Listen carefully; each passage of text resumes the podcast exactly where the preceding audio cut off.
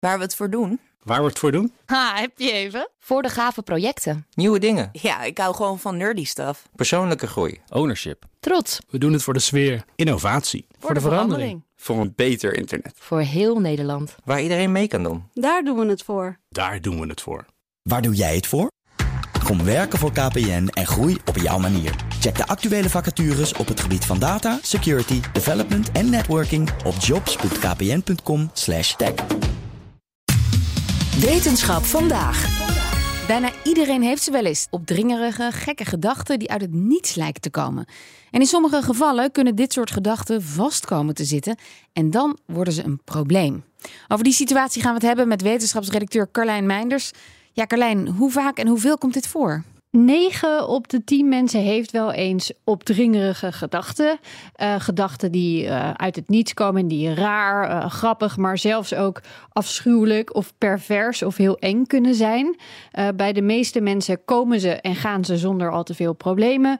Bij sommige mensen blijft een gedachte terugkomen en wordt het echt een probleem. Dan hebben we het volgens Sally Winston en Martin Seif over ongewenste opdringerige gedachten. Mm.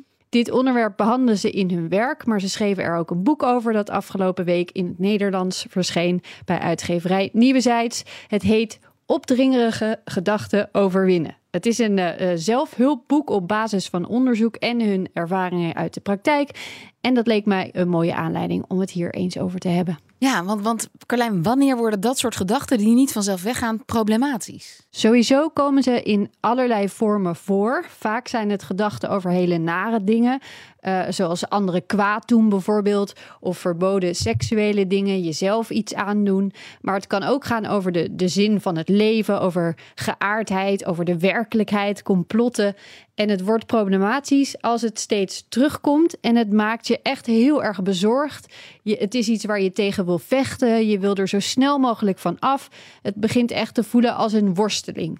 Ja, niet iedereen heeft die gedachte per se, maar kan iedereen ze krijgen? De ene persoon is er gevoeliger voor dan de ander. Bijvoorbeeld als je van nature een plakkerige geest hebt, zoals ze dat oh. noemen. Dingen snel blijven hangen, je je snel druk maakt. Het heeft een link met dwangstoornissen. Uh, het is overigens zo, die is heel belangrijk, dat de mensen die er last van hebben, uh, uh, niet iets slechts in zich verstopt hebben. Het zegt volgens dit boek niets over wie je bent, niets over je karakter. Het is eerder het tegenovergestelde van wie je bent. En toch denken mensen die er last van hebben vaak dat dat wel zo is, zegt.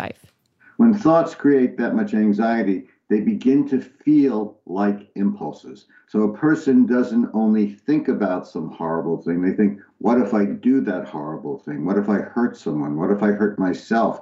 What if I'm a child molester? What if I yell out something entirely inappropriate in a situation which would be horribly embarrassing? Ja, en dat, dat klopt dus niet. dit klopt volgens hun absoluut niet. En dat zit hem in het feit dat die gedachten zorgen voor een gevoel van afschuw. Iets wat onder controle gehouden moet worden. Mensen vechten ertegen. En dat is zo'n beetje het tegenovergestelde van wat een impuls is. Ja, want een impuls die kun je dan niet tegenhouden juist. En wat kun je er tegen doen? Daarvoor moeten we het eerst even hebben over wat absoluut niet werkt. Een van die dingen is er tegen vechten. The more you try not to think of something, the more it's going to happen. And the more important it is to you, the less successful you are. So if I say don't think about pink elephants for the next five minutes, it's going to be hard not to think about pink elephants.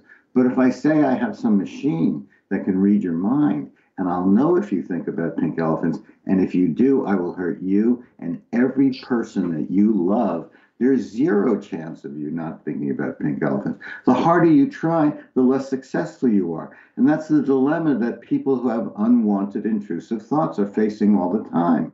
Ja, dus wegstoppen van dat soort gedachten heeft geen zin. Nee, nee. Uh, nog iets dat niet werkt. Ermee in discussie gaan of er waarde aan toedichten. Het is wat de meeste mensen wel zullen doen. Uh, je gaat denken, ik wil dit niet denken, ga weg. Uh, ik probeer aan iets anders te denken dan dit. Wat zegt dit over mij? Ben ik slecht? Nee, dat ben ik toch niet? Of misschien ben ik dat wel. deze gedachten komen steeds terug, dus het moet wel iets betekenen. En dat is allemaal verkeerd. In order to have the confidence to withdraw effort and not work on it, you have to understand what it isn't. Otherwise, it just seems like you have an emergency on your hands and you'd better do something. But if you understand that your thinking has been distorted by your anxiety, that you're making meaning out of something that doesn't deserve it, that you're drawing attention to something that, that doesn't need attention, you have to understand what that thought is and what it isn't before you can have the confidence to just let it sit there or even to invite it or to allow it or to not respond to it at all. Maar ja, hoe pak je dat aan? Hoe ga je er niet Ja, mee in discussie? ehm, Nee, ja, het is natuurlijk een zelfhulpboek. Dus er volgen nu zes stappen die Ah, je kan aan. nemen daarbij. Alles in zes stappen. Stap 1, ja precies, eh, is, eh, stap 1 is erkennen en herkennen. hey, dit moet een opdringerige gedachte zijn op dit moment. Stap 2, bedenken dat dit niets over jou zegt. Het is slechts een gedachte. Stap 3, accepteer dat de gedachte er is. Ga, niet van, ga je niet van alles afvragen. Ga het niet onderzoeken. Ga er niet mee in discussie dus. Stap 4. Schakel terug naar je omgeving. Niet naar het wat als gedeelte, maar waar ben ik nu? Wat voel ik? Is er wind? Is het warm? Is het koud? Stap 5. Geef het tijd. Dit hoeft namelijk niet snel opgelost te worden. En stap 6. Ga verder met wat je eigenlijk aan het doen was. Hmm. En daarmee met die zes stappen, dan zou je ze dus kunnen stoppen. Nee, je kan ze niet stoppen. Waarschijnlijk komen ze nog steeds terug. Maar als je er beter mee om leert te gaan, dan geeft dat ook niet. En ze eh, suggereren zelfs dat je ze voor extra training zelf kunt opzoeken, bewust die nare gedachten laten komen. Oh, oké. Nou, dat klinkt een beetje als mindfulness eigenlijk. Maar, ja, ehm, daar, dat is zeker een link. Ja, ja. ja, maar het lijkt me dan nog best confronterend als je dan die nare gedachten moet gaan opzoeken. Ja, ja eh, maar eh, zeggen ze, er is geen weg omheen. Dus je moet er eh, op de juiste manier doorheen. Oké. En wanneer moet je je wel zorgen gaan maken over de invloed van die gedachten? Eh, ja, dat vroeg ik inderdaad ook. Eh, maar wat als iemand wel ernaar dreigt te handelen? Wanneer moet de omgeving of iemand zelf of een therapeut dan toch ingrijpen? Dat is eigenlijk eh, wanneer zo'n gedachte juist plezier oproept of je er juist niet tegen in wilt gaan. Hmm. Want juist het feit dat het zo afschuwelijk voor je voelt en je het wilt wegstoppen en je wilt onder controle houden, zegt volgens hun iets over hoe ver het afstaat van er ook naar handelen. En dat moet Ja. ik er wel bij zeggen. Ehm, zulke gedachten kunnen natuurlijk ook onderdeel zijn van een veel groter probleem, van een angststoornis, van een depressie, trauma, eh, PTSS. En dan is een zelfhulpboek vaak niet genoeg. Dat geven ze zelf ook aan in het boek. Als je denkt dat zoiets bij jou speelt, ook als je nog andere symptomen hebt, bijvoorbeeld lusteloosheid, geen eetlust, slecht slapen, prikkelbaarheid. Ga dan zeker met iemand praten. Maar is dat niet zo en heb je wel last van die gedachten, dan zou je dit dus Kunnen proberen. kunnen proberen. Nou, we hebben weer eh, een, een handvatten gekregen. Dankjewel, Carlijn. Ook Bas van Werven vind je in de BNR-app. Ja, je kunt live naar mij en Iwan luisteren tijdens de ochtendspits. Je krijgt een melding van Breaking News. En niet alleen onze podcast Ochtendnieuws, maar alle BNR-podcasts vind je in de app. Download nu de gratis BNR-app en blijf scherp.